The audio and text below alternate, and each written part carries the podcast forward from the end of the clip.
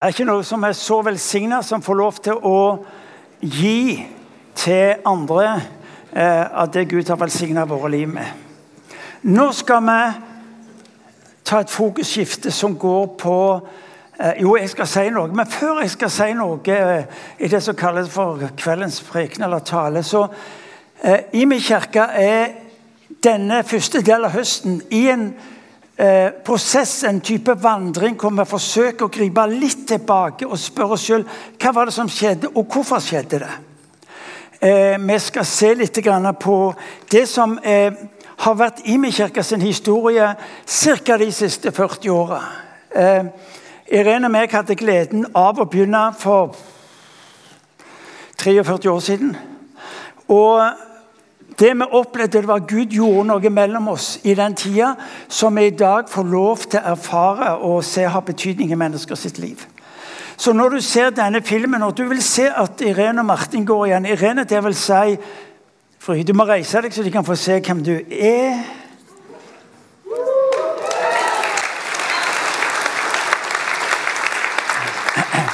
Eh, og den sier noe om hvorfor IMI har blitt som det har blitt. Eh, og så er dette eh, del to. Eh, og så er det fire episoder i tillegg, så det er bare til å forberede neste episode. Hver episode er på ca. 15 minutter, så det, det er ingen eh, eh, langfilm. Men den, den, tar deg inn i og gir deg en forståelse av aha, så det var sånn, sånn tingene skjedde. Og det var det som på et vis foregikk når IMI hadde sin vandring og sin utvikling. Så velkommen er dere til å være med på eh, filmen som bærer hovedtittelen 'Sprengkraft'. I dag med tema 'Sprenge grenser'. Så sa jeg Gud, er det deg? Svar meg, gi meg en setning, gi meg noe. Hva er det slik jeg skjønner det?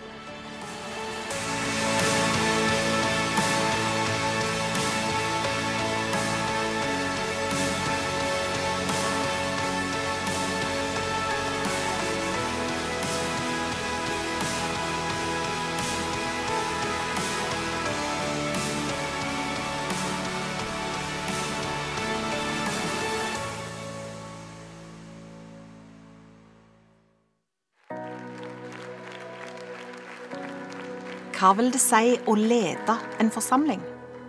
Å forkynne? Lede møter? Besøke syke? Faste og be? Vaske toalettene? Den nye bysekretæren i Stavanger Indremisjon visste ikke helt hva han skulle gjøre, og så til England for å lære. 1980 så får jeg en telefon jeg vil være med og besøke en menighet i England. Eh, anglikanske kirke. Og jeg tenker ja, ja, det kan jeg gjøre. Jeg er med. Oddvar Oddvar Søvik var det som ringte. Og så gikk den uka, og så møter jeg en menighet, og så tenkte jeg ja, men dette kan jeg gjøre.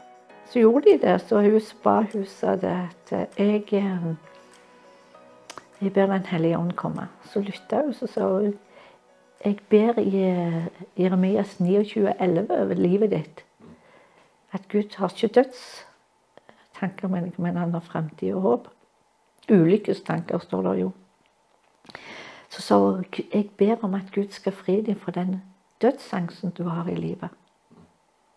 Og hun kunne ikke vite noen ting om at jeg hadde dødsangst, men det hadde jeg.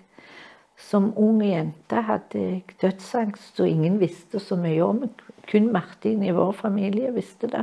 Og fra da av har jeg aldri hatt dødsangst. Og det, det var jo helt spesielt. Og så tenkte jeg Den måten å be på, å lære hva Gud har for de menneskene jeg ber for, det må jeg få tak i. For det at jeg ba så mange ganger mine ønsker, mine bønner Men dette å få tak i hva, hva Gud virkelig hadde det, Når det kunne sette meg fri, da måtte andre òg bli satt fri.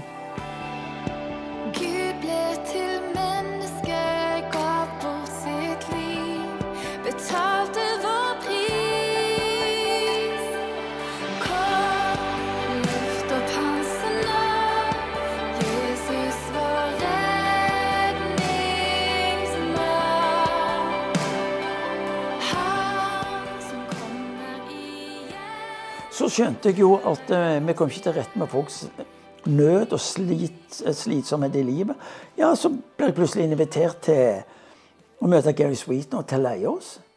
Så jeg tenkte ja, dette møter jo oss.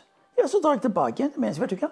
Jeg tror eh, vi har fått noe som kan bety veldig viktige ting hos oss.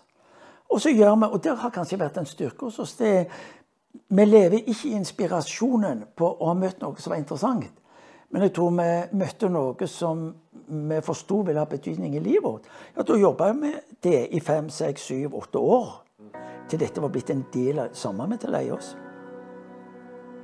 Under Toronto-vekkelsen i 1994 oppdagte han en ny side ved Gud. Martin hadde sjøl vokst opp uten far. Nå opplevde han at mye av det som hadde mangla i livet hans, kom på plass.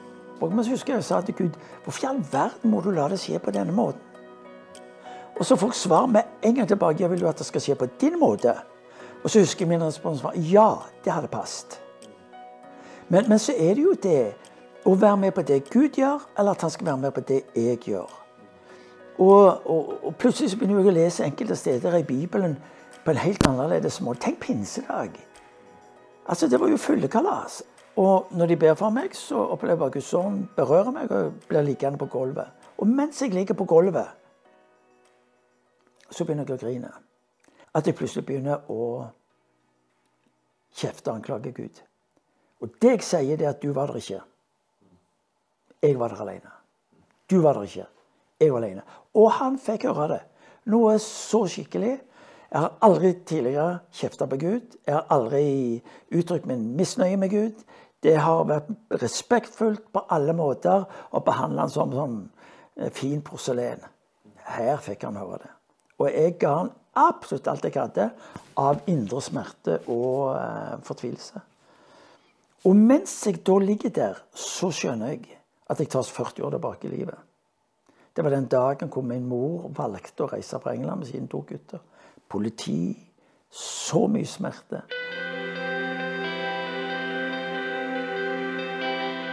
Dagen etter var Martin på vei til neste møte.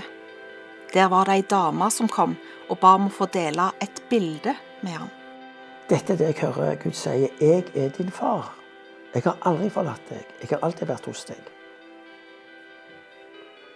Og det berørte meg. Det traff noe som var så kraftig. Fordi at jeg visste hvem Jesus var. Den hellige ånd hadde jeg en viss sånn peiling på. Men Gud som far var en fraværende far. Han var en del av treenigheten, men langt der ute. Plutselig så fikk jeg en relasjon med Gud som far som var totalt annerledes.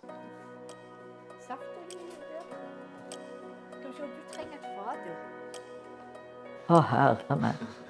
Jeg eh, Da han hadde vært i Toronto første gangen, så trodde jo ikke jeg han var riktig klok. For det, for det første så var det jo journalister og, og aviser på meg om den morgenen han skulle lande. Jeg visste ikke hva som hadde foregått. Og jeg tenkte hva i all verden er dette? Og så kom han jo hjem, og så delte han jo vitnesbyrdet. Og han hadde jo fått en enorm fornyelse i farsrelasjonen til Gud fars, sin egen farsrelasjon. Og sannheten er at når jeg kom der, så tenkte jeg dette er et galehus. Så sa jeg til Gud Gud, er det et galehus? Eller hva er det som skjer? For det var så mye risting og mange løgne lyder. og det var, altså, Du vil ikke tro det. Det var så fjernt fra min virkelighet. Så sa jeg, Gud, er det deg? Er det deg? Svar meg. Gi meg en setning. Gi meg noe. Hva er det slik skjønner det? Så kom det sånn. Dette er mitt himmelske hospital. Da bare gikk det til hjertet mitt. Så, så tenkte jeg Å vel, Gud. Hvis du rører på folk på forskjellige vis jeg ikke forstår, da lar jeg deg være Gud. Og så skal jeg kunne være i det. Jeg står med livets sår, klamrer meg til ditt ord. Blinde kan se, og lammet kan gå, La det forbli min tro. Hvor er du nå? Hvor er du nå? Nei, i vårt liv så har det jo blitt at vi har søkt det. Vi, har, vi, begynt, vi hadde jo bedt veldig mye og lytta til Gud for folk. Og det var mye indre hel, eh, helbredelse. Men så begynte vi jo å lengte etter å se fysisk helbredelse. Og da var det jo ordet be, så skal du få. Og da måtte vi jo be, og lære oss å be. For konkret å være spesifikke i møte med helbredelse.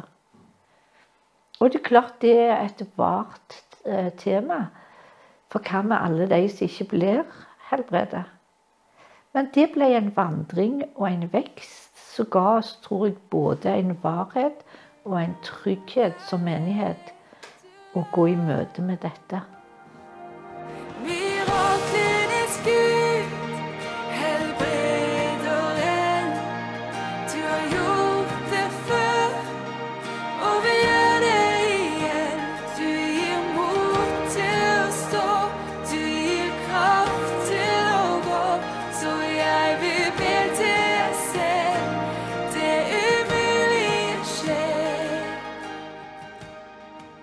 Jeg tenker at alle sammen var med såra helbredere. Det, og det var noe som Gunnar Elstad lærte oss, at det, de er de beste. Altså, du må ha kjent litt på kroppen for å liksom kunne um, sette de litt inn, inn i andre sin situasjon.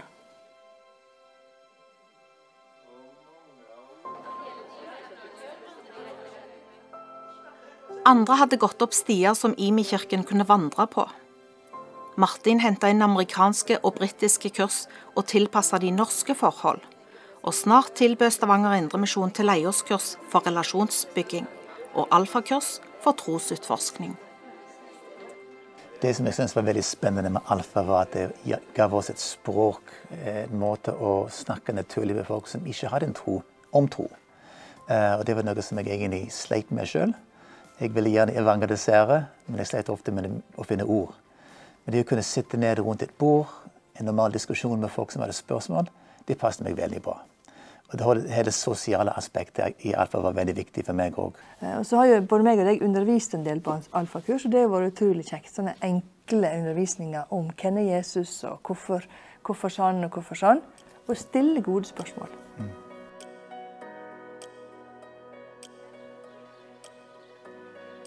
Merete, hvordan var det å bli med på alfakurs? Nei, det, det var veldig bra.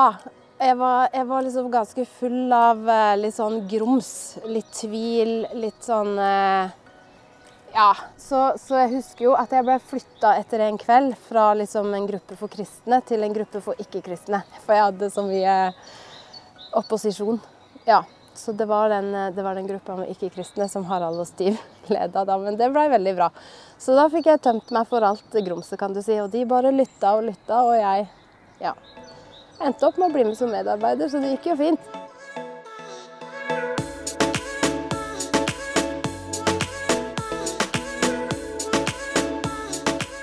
Det var en grunnleggende verdi i IMI å gi videre alt en hadde. Og oppstarten av Akta bibelskole kom som en naturlig følge. Eh, Hensikten med Akta er å gi eh, mennesker både kunnskaper, men også erfaring i hva det vil si å være en Jesus-etterfølger, og utruste dem til livet og til tjenesten. Mange av de reiser jo andre plasser, og da tar de jo med seg det de lærer. Og jeg tror òg det får stor betydning der de kommer, fordi at de tar i bruk det de har lært.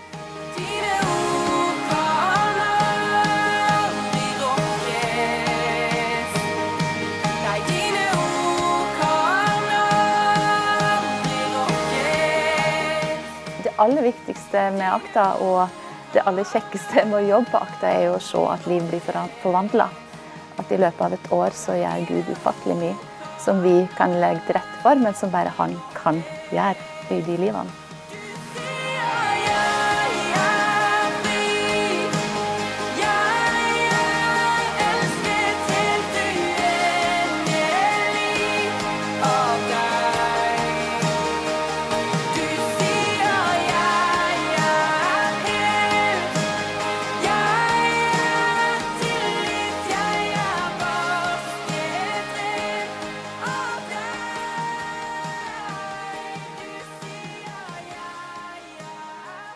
Virksomheten vokste på kryss og tvers av generasjonene, både til glede og utfordring.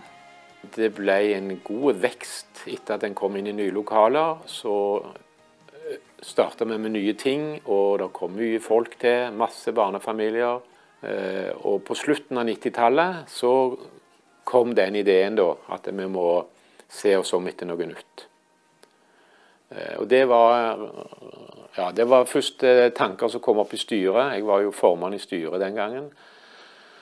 Og dette her var interne ting vi snakket om. Skal vi virkelig flytte fra disse fine lokalene? Eh, Jeg er på konferanse i utlandet, opplever Gud der jeg sitter på tribunen og ser at dere skal bygge en ny kirke. Og jeg tenker ja, hva gjør jeg nå? Dette er jo way out. Og, og, og da delte jeg det med. Hvis, hvis styret hadde sagt nei, så hadde jo ikke jeg pressa på og sagt at dette skal vi gjøre, for dette har Gud sagt. Eh, Så eh, er det en i menigheten dog som da plutselig får en visjon, en profeti om et nytt hus. Eh, Han visste ikke at vi holdt på med dette her internt i styret. Men så begynte snøballen å rulle. Og kommer da til, til spørsmålet om bæreelementene i bygget. Eh, og da spurte jeg han arkitekten, for da var vi jo med begynt med Impuls.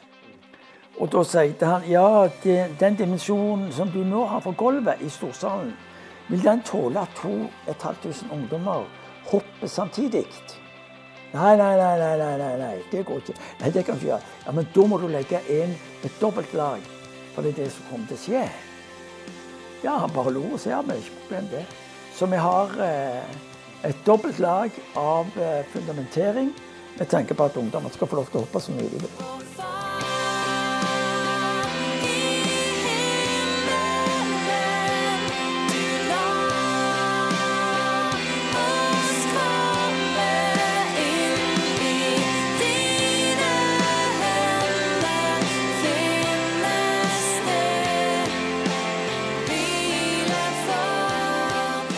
En vinterdag i 2001 vandra hele gjengen fra Stavanger sentrum og ut til bydelen Kjensvoll, hvor det venta nye lokaler for kommende generasjoner. Målgruppa var 0 til 40 år, og alle andre var en bonus. Veien fra den lille flokken i Bedehusgata til det nye kirkebygget på Kjensvoll var lenger enn den fysiske avstanden. Velkommen er dere til den første gudstjeneste i dette hus. Velkommen er dere til et møte som for mange av oss er svært spesielt. Rett og slett fordi det fyller oss med mye av undringen og um, de mange spørsmål. Snart summer det av liv i det store bygget på Kjensvoll. Det var møter og musikkskole, dansegrupper og ledertrening. Syng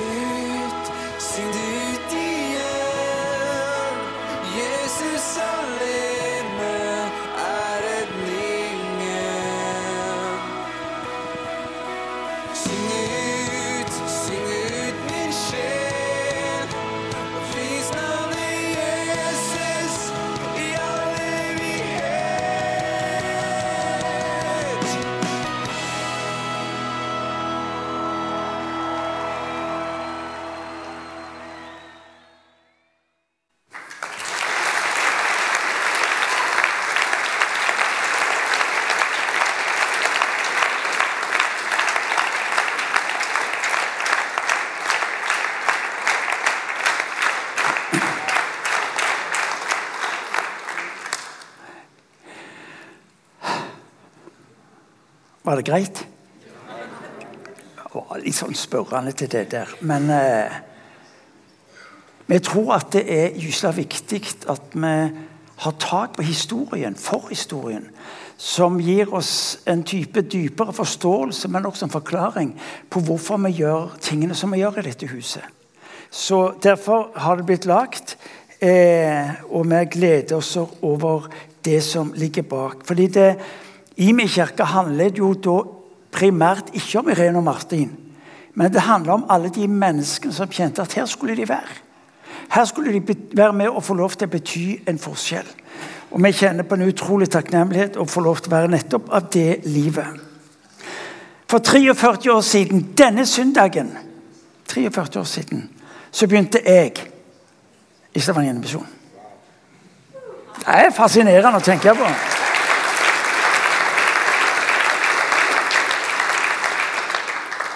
Det var en som spurte meg hvor lenge skal du fortsette å være leder i Rimekirken. kirke. Dette går altså 30 år tilbake i tid. Så hvor lenge har du tenkt å være i Rimekirken? kirke? Så Nei, jeg vet ikke. Så derfor har jeg bestemt meg for bare å fortsette. Så det er i grunnen en god, et godt prinsipp. I have a dream var altså tema på den første talen som jeg holdt for 43 år siden. I have a dream. Og visste overhodet ikke hva jeg snakket om. Irene og meg hadde ingen erfaring, vi hadde ingen bakgrunn eller kompetanse. Bortsett fra at vi ønska å være med på det Gud gjorde. Du ser at Det viktigste i ditt liv er ikke primært hva du kan, men hvem du er sammen med. Når du sier jeg vet ikke om jeg kan det, så er det egentlig uttrykk for, for vantro. For ditt utgangspunkt er nemlig ikke hva du kan, men hvem du er sammen med. I have a dream. Og det som gikk opp for meg, det var jo én ting var at jeg eventuelt hadde en drøm som tok utgangspunkt i mine eller våre forutsetninger for det som ligger foran. Noe annet er er det mulig at Gud har en drøm. For deg, meg, sin menighet, sin menighet inni den. Ja, det er et helt annet perspektiv, det. For hvis ikke du og meg starter der, så blir livet et spørsmål om hva du og meg klarer å få ut av det ved de ressurser vi har tilgjengelig.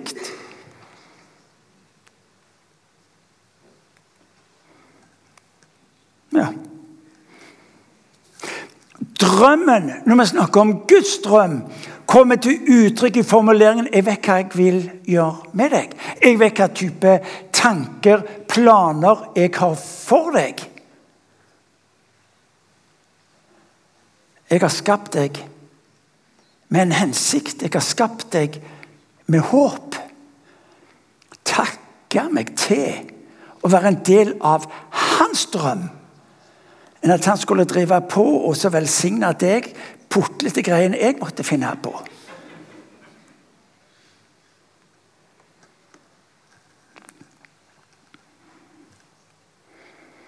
Sprengkraft. Sprenge grenser. Hør litt på, på formuleringen. Hva vil det si å være en Jesus-etterfølger? Jo, det å være med på å sprenge grenser med utgangspunkt i Guds sprengkraft. Å, det høres spennende og fascinerende ut. Men hvis du og meg skal få tak i når Bibelen er opptatt med å snakke om det som bryter igjennom, så tar den alltid utgangspunkt i hva Gud sjøl vil gjøre. Når Jesus i Markus evangeliet kapittel 1 vers 15 trer inn i denne verden, så er det med en sprengkraft verden aldri tidligere hadde opplevd. Guds rike har kommet nær. Bang! Der smeller det. For i det øyeblikket hvor Guds rike sprenges inn i denne verden, så må mørket vike. Da må det håpløse trekke seg tilbake. Da må det denne verden er i stand til å produsere, er nødt til å trekke seg tilbake. Fordi at mørket er nemlig fravær av lys. Det er perspektiv, det. Det er perspektiv. Mørket er ikke i seg sjøl i stand til å skape lys. Skru av lyset i dette rommet, og en kommer hit med stearinlys, og du får øye på lyset. Guds rike har kommet nær. Det er den sterkeste krafta i universet. Ved Jesu liv ble dette Guds rikes nærvær synlig på alle plan. I det religiøse dømmer han utfordrer det religiøse systemet. Tankebaner. Hva som var rett, og hva som var galt. Måten å relatere til mennesker på. Før var det slik at hvis du så Gud, så var du dømt til døden. Nå var det motsatt. Nå var det allmaktens Gud som hadde steget ned for å omfavne det som var ødelagt, misbrukt. Ved Jesu liv ble det synlig at Guds rike var kommet nær. Naturlovene. Er fascinerende av og til når vi ber om mennesker blir syke, og spesielt kristne de tar et oppgjør med dette. her, Så sier de ja, men Gud tar, bryter det ikke med sine egne naturlover. Jesus gjorde det jo permanent, han. Og så skal vi sitte og fortelle hva Herre kan, ikke kan gjøre, fordi han har gitt oss lover som skal binde han. Han har gitt oss lover som tjener oss, og som gir oss liv. Og inni det der er det at han lar sitt rike sprenge grenser. I møte med Jesus så får vi fremtid. Vi får et møte hvor døden ikke lenger er den siste makt. Fordi Jesus har brutt dødens makt. Han har sprengt det der en gang for alle. For at du og vi skal vite at vi ikke er skapt primært for å være på denne jorda, men fordi vi skal være med Han i Hans himmel der framme. Det er håpet som kirka rekker oss som en del av det Guds rike som er nedslått. Hadde dere vært pinsevenner, så hadde dere stått på stolene og ropt halleluja for lenge siden. Ja. Alt dette er gratis. Du har ikke betalt fem øre for det. Du har ikke fortjent til det. Og Allikevel så stiger han ned, sprenger seg vei på det som var hindringen, for å se, vet du hva? Dette er ditt.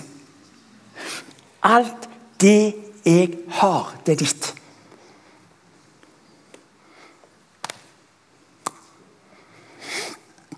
Halleluja.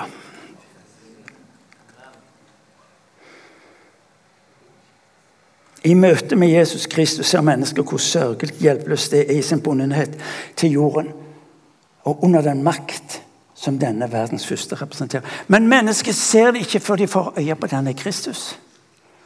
Menneskets hjelpeløshet blir ikke åpenbart for de samtidig ser han som er livet. Derfor er det så viktig at det når ut. Denne verden, sier Paulus i Efeserbrevet, ligger i det onde onde og sin fortapthet. Vi må få tak i Kristendommen har aldri tenkt å være en forbedra utgave av denne verden. Den er radikalt annerledes. Guds rike er radikalt annerledes fordi at den springer ut ifra Guds hjerte. Jordas liv springer ut ifra menneskets hjerte og har mennesket i stand til å produsere. Ikke religion, men relasjon med Gud Fader gjennom Jesus Kristus så er altså Guds rike folkens synlig i denne verden knytta til Jesus Kristus og hans etterfølgere. de er ikke småtterier. Gud, En gang til. Guds rike er synliggjort i denne verden. Først ved Jesus Kristus. Når han sier Guds rike er kommet nær, omvend dere, så betyr det at det var han som var kommet nær. Men dette Guds rike fortsetter å rulle fordi menigheten er i denne verden, som han er i denne verden, er vi i denne verden. Ja, men Det er mulig med de folka som er med i de forskjellige menighetene. Ja, I det svake åpenbares Hans herlighet og storhet. Ja.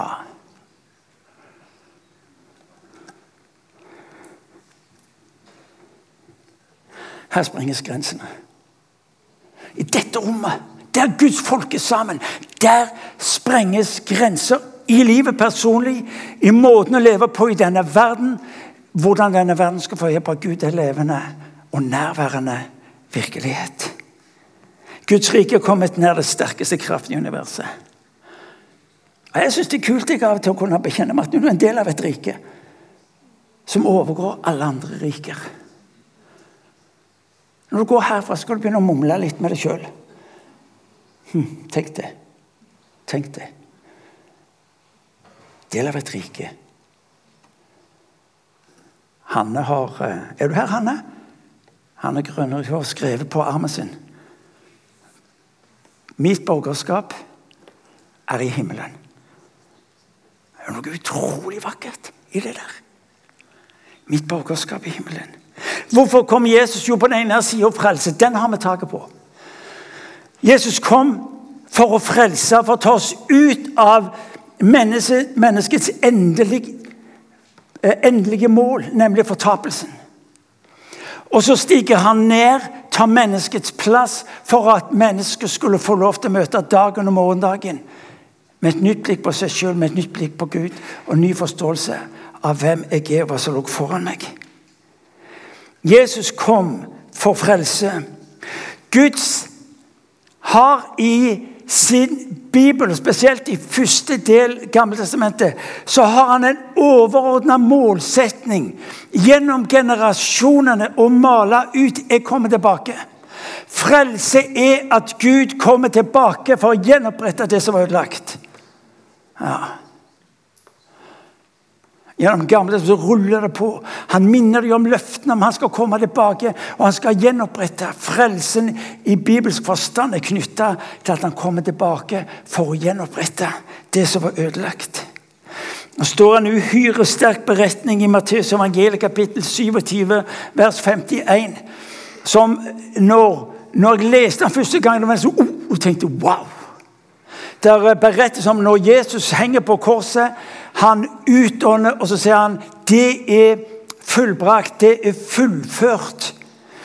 Og så står det i neste vers 51 I det øyeblikket så revner eh, teppet i tempelet. Tempelet var nemlig skilt mellom det helligste og det aller helligste. Helligste, der, der var det adgang for mennesker med sitt liv, med sine bønner og sin tilbedelse. I det aller helligste var det kun ypperste presten som hadde lov til å komme inn en gang i året for å be og be om soning for folkets synder. En gang i året. Og så er det som når Jesus dør på korset, så lyder det en bekjennelse fra himmelen, for det står at teppet revna fra toppen og ned. Det er nesten som jeg så hvordan Gud tok tak i teppet, og så reiv han det sunt. For å si det er ikke lenger noe som hindrer mennesket i å komme helt inn. Komme helt inn. Hva er Jesu frelse? Det å få lov til å komme helt inn. Det å få lov til å vite vet du hva, det er ingen hindring. Det er ingen der som stiller kvalitetsspørsmål eller kvalifiseringsspørsmål. Komme helt inn. Det er ikke noe som hindrer noen mennesker å komme helt inn. Gud sprenger grensene for at du og meg og alle mennesker skal vite at det er ingenting som hindrer. Forstår det? Nei, Det er jeg ikke så sikker på, men jeg tror det. Ja, Vi kan leve med det. Jeg forsto ikke det der med frelse og synd og disse tingene. Men jeg trodde Jesus kunne ikke lyge. Da var det greit å lese i Bibelen, så tenkte jeg ok. Hvis det er sånn han sier det, så kan jeg jo gå med på det. Ja, så var, det, så var jeg med. Trenger ikke gjøre det mer komplisert enn det. Forstår det? Hvem i all verden av oss forstår Gud? Dønn ærlig.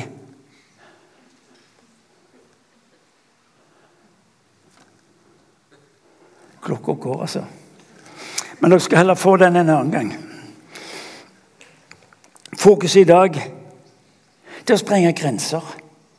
Du ser at Når Gud sprenger grenser, så er det ikke fordi han ønsker å begrense, men det er å skape frihet. Altfor mange velger å holde seg vekke fra Kristus og menigheten fordi de er livredde for å bli fanget inn i noe som begrenser livet. Sprenge grenser innebærer å bli satt fri til å gå med Jesus. Følg meg. Frihet. Derfor kom Jesus. I essens evangeliet. Når folk spør meg du, hva er dette med frelse, hva betyr dette, denne Jesus, hva betyr det? Jo, det har med frihet å gjøre. Evangeliet er frihet. Frihet til hva? Å tilbe Han. Ha fellesskap og samfunn med Gud den allmektige. Være en del av det himmelske liv som mennesket en gang var skapt til å være en del av. Ofte sier folk 'jeg vil være fri'. Det er jo så nautesagt, som de sier i Stavanger. For ingen av oss er jo egentlig fri. Det er bare spørsmål om hvem du vil skal ha innflytelse på livet ditt. Trendene eller maktpersonene eller ideologiene, hva det måtte være. Det er jo ingen som går igjennom denne verden som skulle leve i en sånn type vakuum. Du er ikke fri. Spørsmålet er Ditt valg med hensyn til hvem du vil skal ha innflytelse på ditt liv, vil også sakte, men sikkert binde deg opp til det som er. Og så blir du et produkt av den såkalte friheten. Jesus sier når menneskesønnen får frigjort dere, da blir dere virkelig fri. Så folkens, når folk sier til deg ja, jeg, eh, jeg vil være fri, så skal du bare spørre hva er, det du, hva er det som opptar deg mest? Hva du opplever som er mest betydningsfullt i livet ditt? Og Så går det ikke lang tid før du får høre hvem som er mester og herre i disse ulike livene. Fravær av Guds frihet gjør deg til fange, sier Guds ord. Fange av hva det måtte være. Rusen, hobbyen, ideologien, mennesker, you name it. Sprenge grenser. Guds rikes nedslag innebærer å sprenge grenser. Du blir en representant for et rike som sprenger grenser i enkeltmennesker sitt liv. Situasjoner. Lovmessig, når Gud står overfor sitt eget skaperverk, så spør han hva er behovet, og så bryter han sitt eget liv og sprenger sine egne lover. Hør nå en gang til. Sprenge grenser. I ditt liv, i mitt liv, i våre liv. Så ut av å skulle sprenge grenser, Guds rikes nedslag, frihet, så tales det også om at Gud vil oppreise seg et folk. Hvorfor i mi kirke? Har du tenkt på det? Jo, fordi Gud har steget ned. Hvorfor går du i min Jo, fordi Gud har steget ned. Hyggelige mennesker, flott lovsang til tider, god preiking. Eh,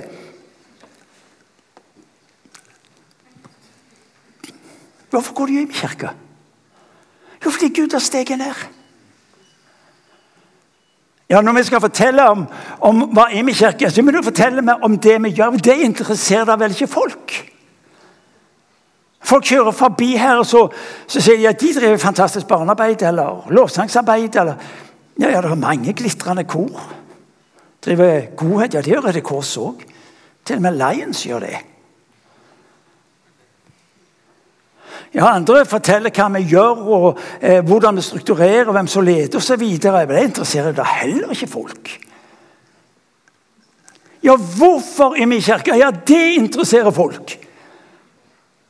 Jo, fordi Gud har steget ned og blitt værende. Wow. Gud, han Ja, han og når det blir synlig og erfarbart av mennesker der ute Hver gang de kjører forbi i min kirke på de tjenestekrysset, der er Gud. Der er Gud. Har du problemer, så er det der du må gå, for der er Gud. Grensesprengende? Ja, det er klart det er grensesprengende. Forståelig ikke i det hele tatt. Men det gjør det vel ikke farlig hvis du bare tror. Tro er å omfavne.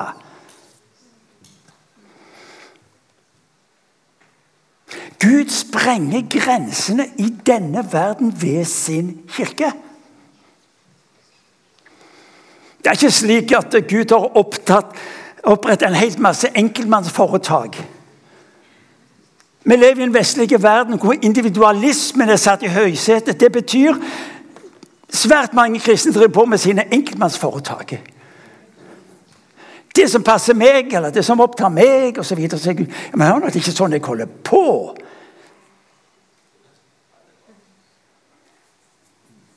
Det er merkelig at vår Herre ikke kunne tenkt litt lenger sjøl. For Hvis det var meg som skulle ha skrevet denne berømte bønnen, så hadde det da vel ikke blitt Fader vår. Det hadde blitt Fader min.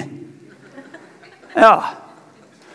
Slik at jeg kunne ha sånn en spesialbehandling eller direkte linje eller oppfyllelsen av mine drømmer. Han var ikke opptatt med deg. Han er opptatt med oss. Derfor bevegelse. Derfor menighet. Derfor menighetsfamilie. For du vil ikke overleve i denne verden hvis du skal leve i denne verden alene. Takk Gud for menigheten. Ja. Jo, det er greit å være pastor Martin Kay, men hvor lenge holder det når livet blir vanskelig og krevende? Men å få lov til å være medlem Martin Cave i denne menigheten, det bærer gjennom. Enten det var mørke eller fortvilelse eller det var synd eller hva det måtte være. Så får du lov til å tilhøre en menighetsfamilie hvor det er bærekraft som luft, og som bærer deg gjennom. Det går til helvete med deg om du ikke er forankra i Guds menighet.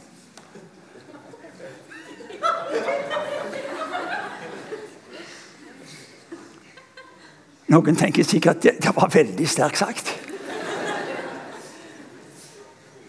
Men du må lese Bibelen, så må du lese, så skjønner du Han snakker hele veien om oss, om vår. For så høyt har Gud elska verden. Han står ikke for så høyt har Gud elska deg. Når livet mitt blir så krevende, ja, da vet jeg at det er bærekraft i den menigheten Gud har satt meg til å være en del av. Når jeg kjenner at jeg ikke lenger klarer å tro, orker å tro, eller hva det måtte være, så vet jeg at dette huset har en åndelig bærekraft som skal bære igjennom. Ja. Det må du og meg få tak i. For Det er så mange mennesker som jeg har møtt som sa Martin, jeg klarte ikke mer, jeg orker ikke mer, jeg fikk det ikke til. Martin, la det vekk, la det bak. Dere har hørt meg si det før. Hun som jeg snakket med på telefonen, sa Martin jeg kan ikke lenger tro på denne guden. Jeg får det ikke til å gå opp. Og Så spør jeg kan jeg få lov til å tro for deg. Ja, Martin, det kan du. Da jeg reiser ut, så forteller hun om Guds trofasthet og Guds tilgivelse på livet sitt. Ja. Tror du virkelig at Gud dropper deg fordi om du ikke får livet til å gå opp? Men det er derfor du trenger menigheten, fordi den bærer deg gjennom. Alle de som sa og fortalte meg Martin, de ba for meg, de lufta meg, de kom til meg når jeg ikke lenger hadde tro eller håp eller noen ting. I dag kan jeg få lov til å gå, være oppreist og vite at dette bærer igjennom. Ja. Men det gjelder jo ikke bare i det såkalt livets eh, eh, kritiske fase, men det gjelder jo hele livet vårt. Du vil lykkes i denne verden som Gud hadde tenkt i den grad du er en del av denne bevegelsen. Ikke Imi kirkas bevegelse eller Martins bevegelse eller hvem det nå er sin bevegelse, men den menighet som Gud har valgt å opprette. Fordi at du og meg skal erfare at det er en bærende kraft inn i denne verden. Den, inn i denne verden.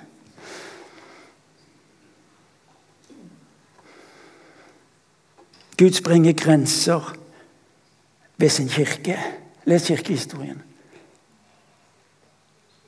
Denne verden med så mye uro, med så mye frykt Skal du og jeg få lov til å være Guds svar? Guds mulighet? Jeg husker ennå når Irene i 2015, og da var eh, alle flyktningene kom til Norge og, og, og eh, Norge var rusta. Hva skal vi gjøre med? Og Det var fantasier på 100 000 og 200 000. og Det var ikke måte på alt. Og alt var fryktsomt. En dag så er det en som ringer Irene og sier du, vet du hva? Eh, jeg er gyselig redd, jeg. Ikke kristen. Jeg er gyselig redd jeg, når jeg ser alt det som skjer. Og jeg vet ikke hva jeg skal verken tro eller gjøre. Og så sier hun kan jeg få lov til å være med deg, Irene? For da er jeg ikke redd lenger. Da er ikke redd lenger.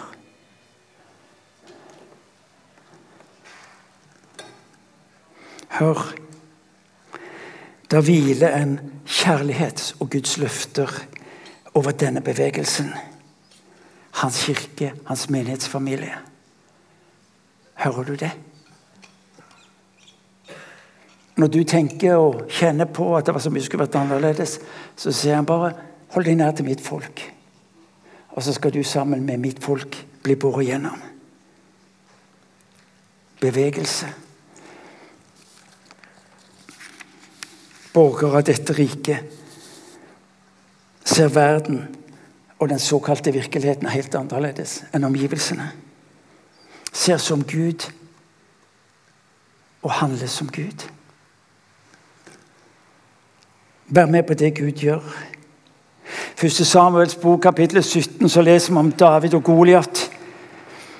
David kommer til sitt folk eh, med mat til brødrene sine, og så spør han hva det er som står på, for han oppdager alle er livredde. Og alle er livredde fordi de ser Goliat. Denne kjempen Takk skal du ha, Rune. Rune er ekspert på vann. Thank you. Alle livredde fordi de ser fienden eh, sin overmakt. Og så spør eh, David hva som er problemet. Ja, Han skremmer Vedover, over. Han kom, de kom til å ta og drepe oss alle sammen. Så, nei, nei, nei, nei, nei, sier David. Dette her går bra. Kan jeg få lov til å ta han? Og så spør han ja, vet du hva du snakker om?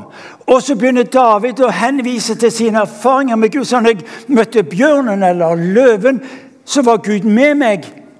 Og jeg beseira dem. Han her. Piece of cake. Eller noe i den duren. Og så er det interessant at når David får lov til å gå fram med det Gud har gitt ham både av tro, erfaring og frimodighet, så lyder det Hvem er det du, din lille bølle, sier Goliat til han. Hva gjør du her? Og så sier David til han, du, du kommer imot meg med spyd og lanse. Men jeg kommer imot deg i min himmelske fars navn. David visste hvem han var, hvem han var sønn av. Det var hans utgangspunkt for frimodighet. Og det gir oss, folkens, så dette må du få tak i. Når Gud handler med deg og med meg, så, så velger han å kalle for sønn og datter. Sønn og datter. Ja, vet du hva det betyr? Det betyr at da har du Gud som far. Når, når, Jesus i Johannes evangeliet kapittel 14 bruker begrepet far 16 ganger for å beskrive hvem Gud Fader er inn i denne verden for de som følger Han, så har du mer enn nok ord til å kunne finne ut ok, det kan jeg hvile i. Jeg er din far. David sier, 'Du, piece of cake'. Og så tok han han. Vet du hva? De som var rundt han så akkurat det samme som han. Men de så sin egen elendighet og avmakt. David så hvem han var i Gud, og ved det beseirer han Goliat. Yes. Bare som jeg nevnt. Derfor står det at alt er mulig for den som tror. For fokus er Gud og ikke en sjøl og omstendighetene. Jeg skal slutte ganske straks. La meg spørre deg, spør deg jeg tror, For dette tror jeg er det viktige. Det er på tide for oss å stå på og la Gud få lov til å være Gud. Hvor trenger du at grenser sprenges i ditt liv? Eget liv? Familie? Arbeidsplass og skole? Hvor er det du opplever at det trenges å bryte grenser. Enten ved ting som du sliter med, familien som den jobber med, arbeidsplassen som du opplever Gud har satt deg til å være en som sprenger grenser. Og Da skal du få lov til å spørre Gud hva gjør du nå? I eget liv, i familie og hva det måtte være. Kanskje har du en tjeneste i menigheten.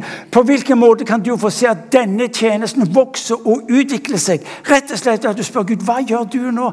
Det trenges å sprenge grenser. Ikke slå deg til ro med status quo, men spør hele veien Gud hva gjør du nå for å sprenge grensene. Hva gjør du nå, Gud? Eller er det slik at ditt problem er for stort for vår Herre? Du har alt det du trenger. IMI-medlemskapet innebærer å sprenge grenser. En har sagt at menigheten er Guds svar på denne verdens problem. Nei, Vi er enige i at det er Jesus. Men ved menigheten bærer han denne vakre gaven til mennesker. IMI er en bevegelse. Dere er en del av denne bevegelsen. Du skal få lov til å bli omfavnet for, for, å fullføre det som ligger på hans hjerte. En gang til. Du, som en del av denne menigheten, er Guds svar på denne verdens problemer. For å se grenser sprengt, for å se Guds rikes nedslag mellom oss. Uansett, som dere har hørt meg si mange ganger, mennesker har egentlig ikke sagt nei til Jesus Kristus. De strever bare med å finne ut hvordan han ser ut. La oss reise oss, og så ber vi.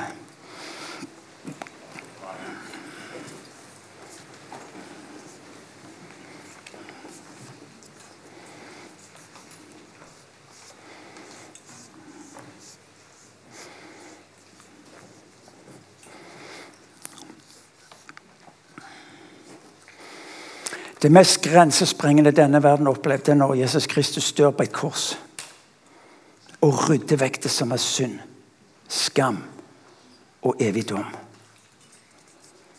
Det er André som har lagd mange av disse. Spør om noen kan få et av ham. Jeg har det i lomma mi hver dag. En påminnelse om det grensesprengende.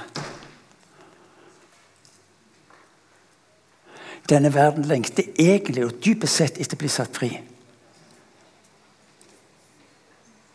Jo, vi kan ikke leve med at mennesker skal fortsette i noe de dypest sett egentlig ønsker å komme ut av. Det er ikke slik at denne verden er fiender og motstandere av det Jesus representerer, men de vet ikke riktig hvordan de skal håndtere menigheten.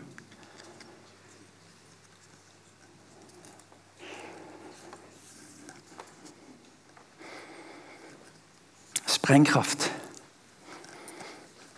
Du er en sånn omvandrende kraftkilde for liv til de mange som er rundt deg. Tro det, handle på det, og du vil få se at menneskers liv begynner å bevege seg rundt deg. Til å bli en del av det Gud holder på med i denne verden. Herre Jesus Kristus, vi takker deg for at du steg ned og ble værende. Først sjøl, og så ved din ånd. Og nå ber vi, far, om at du skal la denne himmelske sprengkraften berøre våre liv på ny ved begynnelsen av dette semesteret. Berøre våre liv her på en slik en måte Jesus, at våre omgivelser merker det. Herre, ditt rike har brutt inn i denne verden. Det er nært, det er i oss den enkelte. Og Vi ber far om å få sammen med deg, ditt rike, berøre denne verden med den bevegelsen som du har satt i gang. Ber om å få se Guds folk i denne byen, uansett menighet i landet vårt utover. Våge å tro at du, Gud, verken er ferdig, har gitt opp, men at du skal fullføre det som ligger på ditt hjerte. Kom, Hellige Ånd, og berør oss den enkelte. I ditt navn, Jesus, ber vi. Amen.